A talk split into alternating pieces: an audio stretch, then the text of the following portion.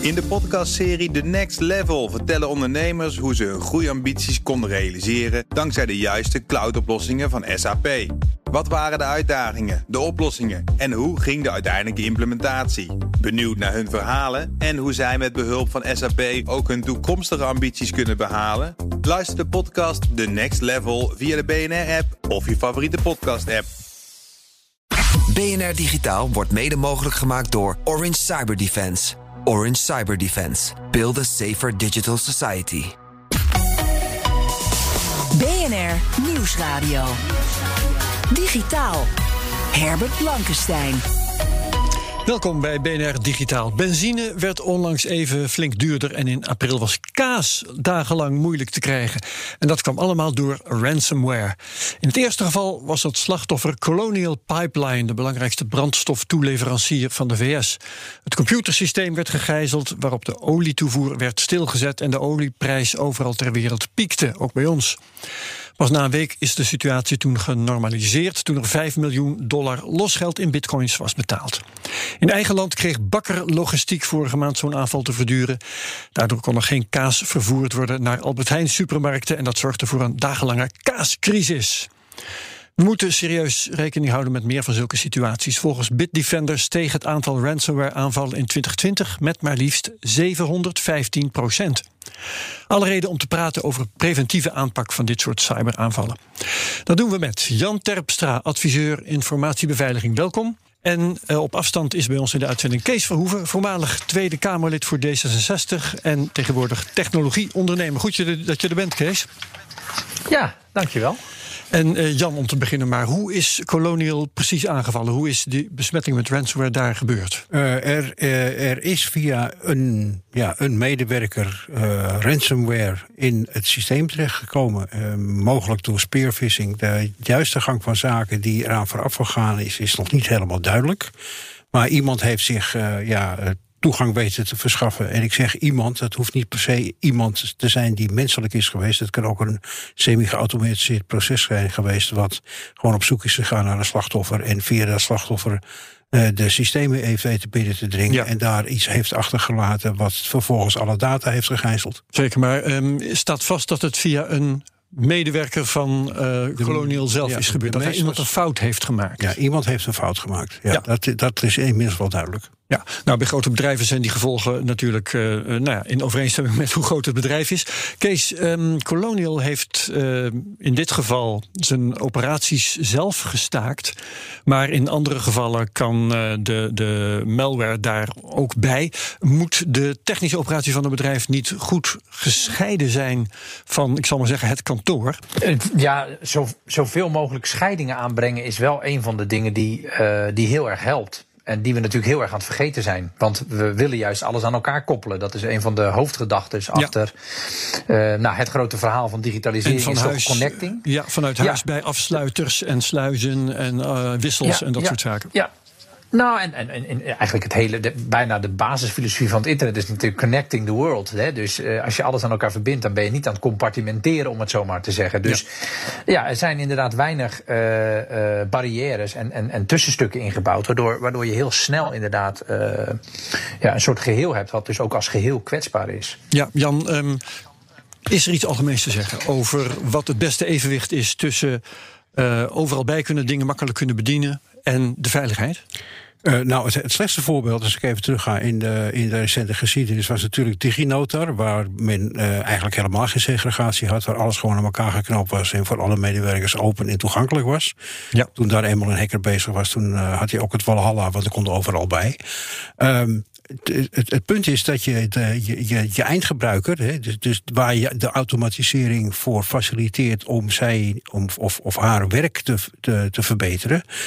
Uh, dat hij er niet altijd mee gebaat is met het afscheiden uh, van uh, gegevens, het afschermen van bepaalde netwerksegmenten. Want je maakt daarmee de toegankelijkheid voor de gegevens waar de betreffende persoon zijn werk mee moet doen, maak je wel een stuk moeilijker. Ja, maar dat is toch gewoon de prijs die je betaalt voor veiligheid. Dat het, ik bedoel, wij komen allemaal alleen nog maar bij onze bankrekeningen door, door allerlei hoepje, hoepeltjes te springen ja. van wachtwoorden en readers en dat soort dingetjes. Ja. Dus dat hoort er toch gewoon bij. Het hoort er gewoon bij. Als je kijkt naar naar technologiebedrijven die dat traditioneel al hebben, daar zit het eigenlijk in het DNA en in de hele bedrijfsvoering. En daar is het vaak heel goed geregeld. Als je kijkt naar bedrijven die niet de core business hebben namelijk automatisering, maar distributie, het verhuren van auto's, het fietsen, het fabriceren van apparaten, daar zit dat automatiseren niet in het bloed van het bedrijf. Dat is historisch zo gegroeid. Er zijn in het verleden vaak keuzes gemaakt om dingen zo makkelijk mogelijk uh, beschikbaar te krijgen voor het personeel. En ja, daar betaalt men nu de, de zure prijs voor. Ja, en moet je dan ook vaststellen dat dat um, te makkelijk is geweest? Dat dat beter niet had kunnen gebeuren? Uh, het had op een andere manier moeten gebeuren. Kijk, het ontsluiten van data is natuurlijk ontzettend belangrijk om je organisatie slagvaardig te houden. Uh, maar het veilig ontsluiten is uh, heel belangrijk om je organisatie wat wij noemen cyber resilient te houden. Dus dat je niet bij het minste geringste je oliepijpleiding moet ja, gooien. Dus toch uh, drempeltjes hier en daar. Ja, drempeltjes, hoepeltjes, ja. zoveel mogelijk. Banken doen dat heel goed, want ik kan niet zomaar ja. bij jouw bankrekening komen. Maar als je ziet hoe makkelijk het is om bij sommige bedrijven, bijvoorbeeld bij de, de salarisadministratie te kunnen komen, ja, dan denk ik dat er nog heel wat te winnen is. Ja, uh, ik moest ook denken bij het voorbereiden van uh, deze uitzending aan de zaak van bol.com, waar een rekeningnummer was veranderd via een e-mail. Um, dan denk ik, ja, je kunt toch ook algoritmen hebben, zou ik zeggen, die dat bewaken. En als er dan een rekeningnummer veranderd wordt of iets anders waarvan je zegt er moet beter naar gekeken worden, ja. dat er dan zwaailichten afgaan. Ja. En, en er collega's naar moeten kijken, gewoon verplicht. Het, dat je dat het, begint, het begint al met het digitaal afdwingt, zal ik maar zeggen. Nou, niet eens zozeer digitaal afdwinken, maar gewoon organisatorisch afdwinken. Men moet niet iets kunnen goedkeuren uh, zonder bijvoorbeeld het vier-ogen-principe te ja, Of een superieur erbij, of wat dan ook. Een superieur erbij. Um, en dat, dat begint bij, eigenlijk bij alles. Het is natuurlijk heel vreemd dat als jij je reisdeclaratie indient als medewerker van het bedrijf, dat je aan het eind van het proces zelf op het knopje kan drukken om het te laten uitbetalen. Ja. dat, dat is maar het plasse voorbeeld wat ik kan geven. En als om bedragen gaat zoals dit en om belangen zoals dit in het geval van Bol, uh, ja, dan moet het bedrijf zich even achter het oor krabben van heb ik mijn basisprocessen wel goed ingericht. Dit is helemaal niet echt een automatiseringsprobleem. Ja, ja het is via e-mail binnengekomen, maar dit is een kwestie van goed organiseren en goed uh, autoriseren van je medewerkers. Ja. Um Kees Verhoeven, uh, wat we uh, eigenlijk sinds jaar en dag hebben in e-mails, dat is dat uh, links in e-mails kunnen zitten. Hè. Je klikt op iets in die e-mail wachtwoorden en, uh, en gebruikersnaamcombinaties kunnen gewoon verstuurd worden. Zou je dat niet gewoon ook technisch onmogelijk moeten maken? Ja, je kunt, je kunt sommige dingen technisch onmogelijk maken. Uh, wat ik wel de afgelopen tien jaar een beetje heb geleerd. Want technisch onmogelijk maken is uiteindelijk. Is dat dan aan het bedrijf of aan de leverancier, de productleverancier die dit doet? Of is dat aan de wetgever? Dat is ja, wel een belangrijke vraag. vraag ja, ja, kun je het over hebben? Ja, daar moet je altijd goed over nadenken. Want technisch iets onmogelijk maken, daar zit wel weer een, een wens achter. Of een, uh, misschien ook wel een wet achter, hè, om het zo mm -hmm. maar even te zeggen. Uh, maar het kan ook een bedrijf wat zijn, zijn wat zegt: ja, dit gaan we anders doen vanaf nu, ons product. daarnaast vind ik technisch is altijd maar een toch maar een beperkt onderdeel van het geheel. Het is ook uiteindelijk een menselijk organisatorisch vraagstuk. Dus er zal toch ook een soort Zeker. van uh, uh, ja, menselijke kennis en menselijk gedragscomponent zijn. En niet alleen maar technisch. Dat, dat, dat is even Ja. voor mij wel een belangrijke toevoeging. Ja, ja. Wat interessant is in dit verband, eh, vandaag staat er in het FD ehm, een bericht over ASML, hoe zij dat doen.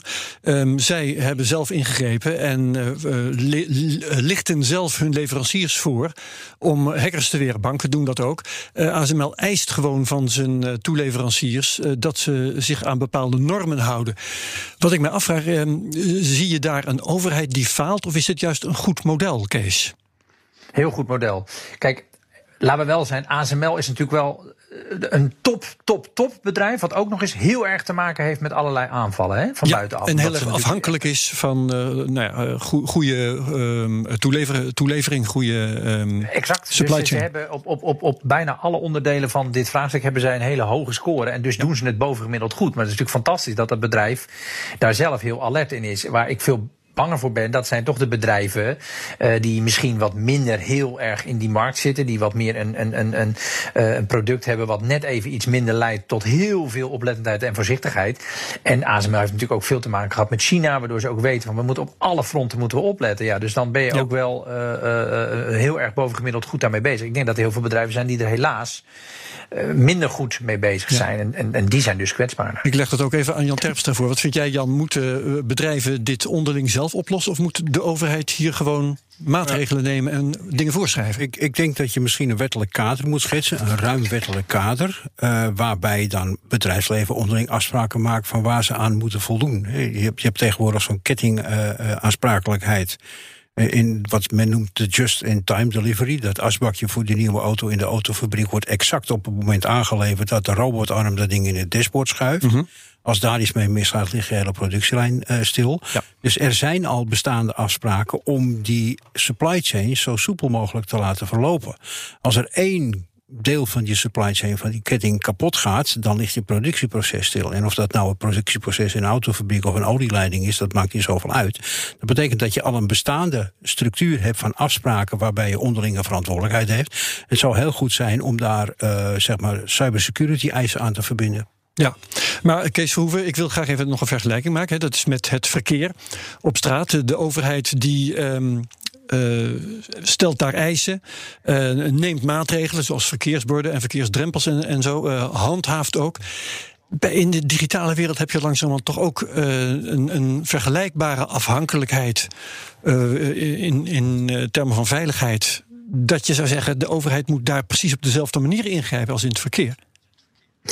Ja, er is natuurlijk ook Europese wetgeving uh, uh, die, die wel wat zegt over de manier waarop je uh, als, als bedrijf een verantwoordelijkheid hebt. En daar wordt ook heel erg aan gewerkt aan dat soort wetgeving. Wat, waar het zelf in ieder geval aan doet denken, totaal ander onderdeel. Maar allerlei IoT-producten die uit China kwamen, of de consumentenmarkt, die, die erg onveilig waren. Daar heeft de overheid op een gegeven moment van gezegd: van nou ja, we gaan toch iets van, van een soort veiligheidskader ontwikkelen waar je aan moet voldoen ja. om op onze markt te, te kunnen leveren. Dus de overheid doet dit wel. En de overheid heeft ook wel wetgeving over wat je nou minimaal moet doen om je eigen digitale infrastructuur aandeel, wat je als bedrijf of als leverancier hebt, om dat goed te, regelen. Maar dat is nog wel allemaal relatief uh, in de kinderschoenen en in ontwikkeling. Dus de, de, daar is nog best wel veel open.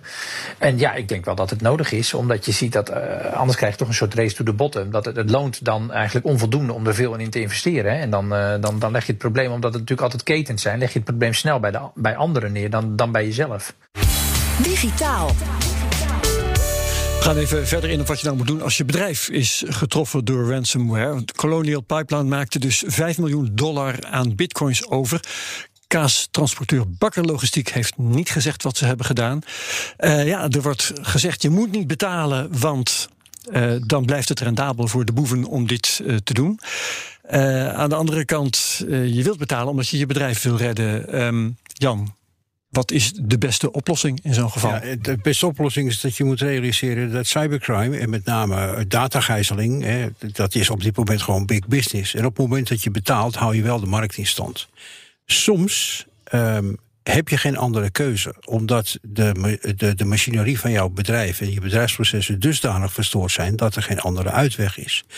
Uh, ja. ja dan, dan kan ik me voorstellen dat bedrijven de keuze maken om te betalen. Maar... En dat gebeurt om de havenklap, hè? ook overheden. Uh, ik ken de berichten uit het verleden, uit Amerika, uit Australië, overal vandaan. Dus politiebureaus, gemeentes. Ja. Universiteit, uh, universiteit Precies. Ja.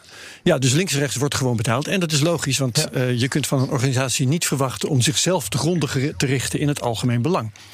Maar is het dan niet, ik vraag het maar eens even aan Kees. Um, is het dan niet een goed idee om een soort verplichte verzekering te maken dat als een bedrijf getroffen wordt, dat de gemeenschap ook inderdaad de kosten draagt voor datgene wat in het belang van de gemeenschap is?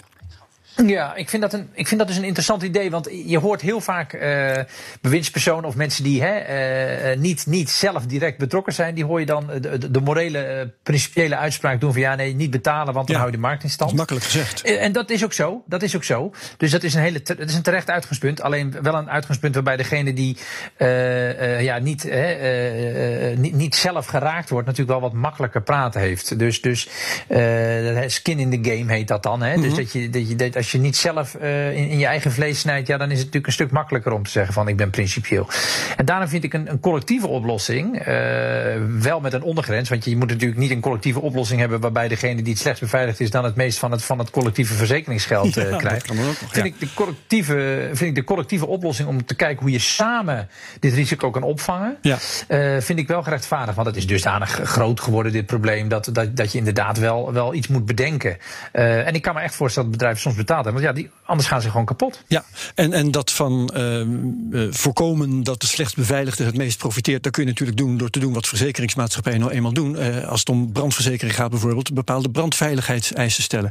Jan Terpstra, wat wil jij zeggen? Nou ja, als je in het collectief gaat, dan moet het niet zo zijn inderdaad dat de slechts beveiligde daar uiteindelijk het meest van profiteert. Het deelnemen Precies. aan zo'n collectief, daar moeten een aantal basiseisen voor, voor, voor worden vastgesteld. Wat zouden die eisen zijn? Uh, nou, er zijn een aantal technische eisen, bijvoorbeeld netwerksegregatie, uh, technische maatregelen tegen het, uh, het lekken van data, maar ook organisatorische maatregelen dat je weet welke systemen je hebt, wat je beheert en wat erin staat. Maar wat ook heel belangrijk is in mijn ogen, is bijvoorbeeld een cybersecurity sloepende rol. Dus oefen het een keer. Ga eens kijken wat zal er gebeuren op het moment dat ik een cyberincident heb of een deel van mijn systeem is onbruikbaar geworden omdat er ransomware op staat. Wat is mijn plan B? Heel veel bedrijven zijn ook helemaal niet voorbereid op zo'n crisis. Ja, en Kees Verhoeven, stel dat, je zo'n um, verzekering een goed idee zou vinden.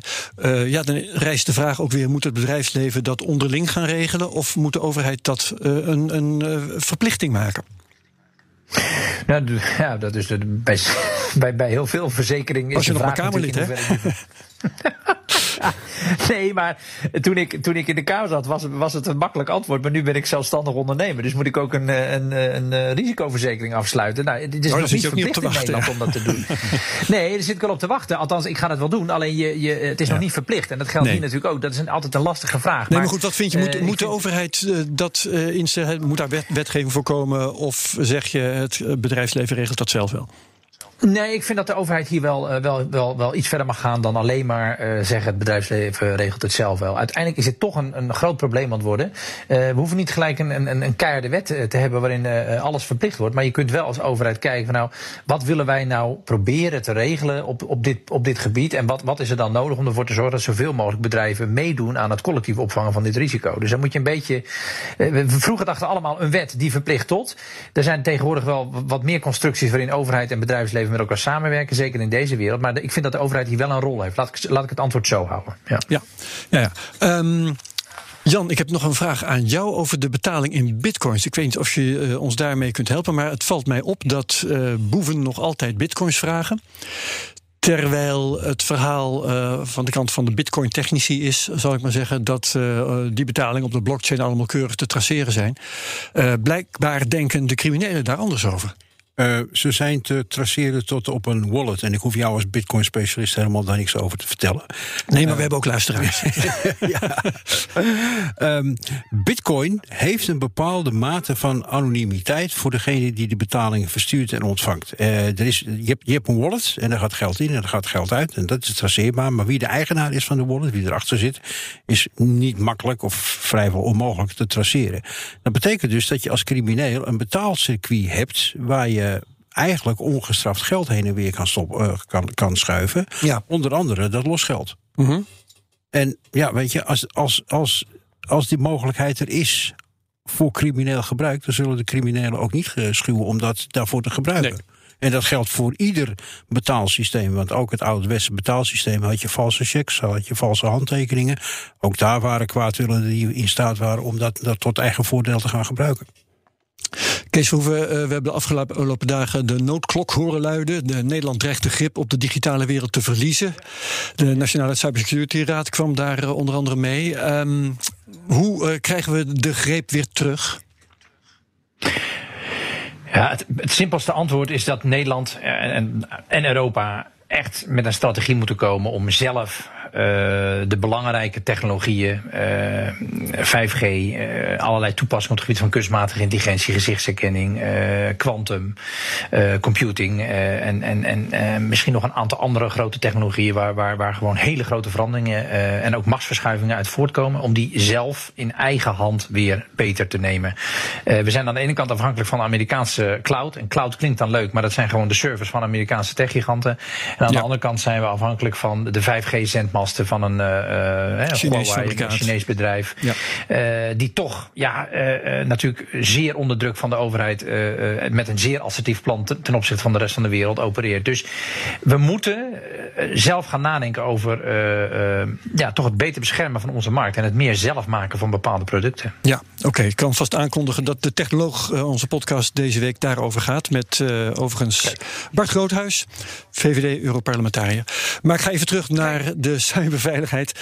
Um, Jan Terpstra, um, hoe kunnen we nou zorgen dat, want we hebben het over bedrijven gehad en technische maatregelen en zo, hoe kunnen we nou zorgen dat mensen beter uh, bewapend zijn tegen dit soort ellende? Zo jong mogelijk beginnen met opvoeden. Uh, awareness kweken. Hè, dat, zelfs vanaf groep 6, 7, wanneer de kinderen hun eerste telefoontje krijgen, hun eerste smartphone, meteen al duidelijk maken dat het niet allemaal roze geur en maneschijn is.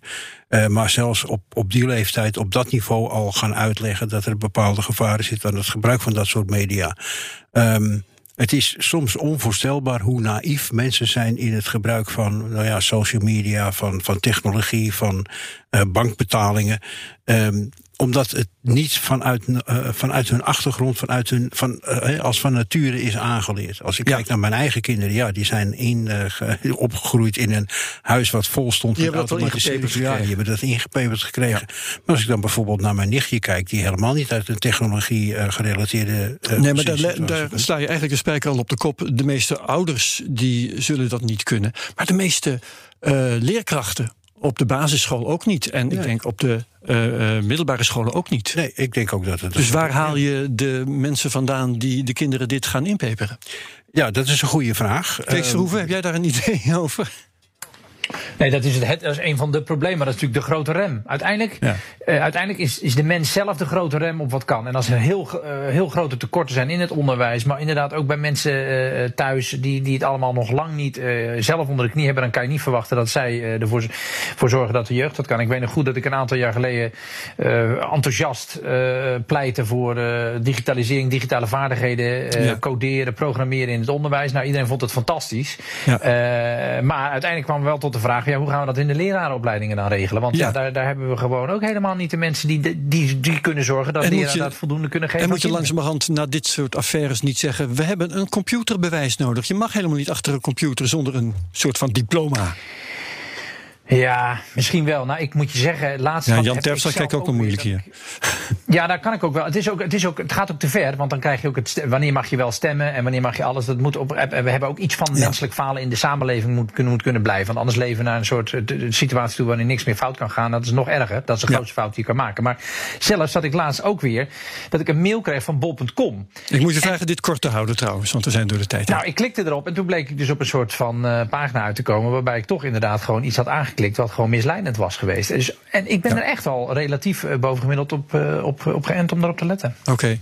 Ik uh, dank jullie allebei voor dit gesprek. Adviseur informatiebeveiliging Jan Terpstra. Graag gedaan. En technologieondernemer Kees Verhoeven. Je kunt BNR digitaal terugluisteren via bnr.nl, onze app, of waar je ook maar luistert naar je podcasts.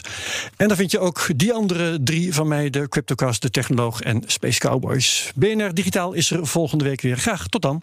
BNR Digitaal wordt mede mogelijk gemaakt door Orange Cyber Defense. Orange Cyber Defense. Build a safer digital society.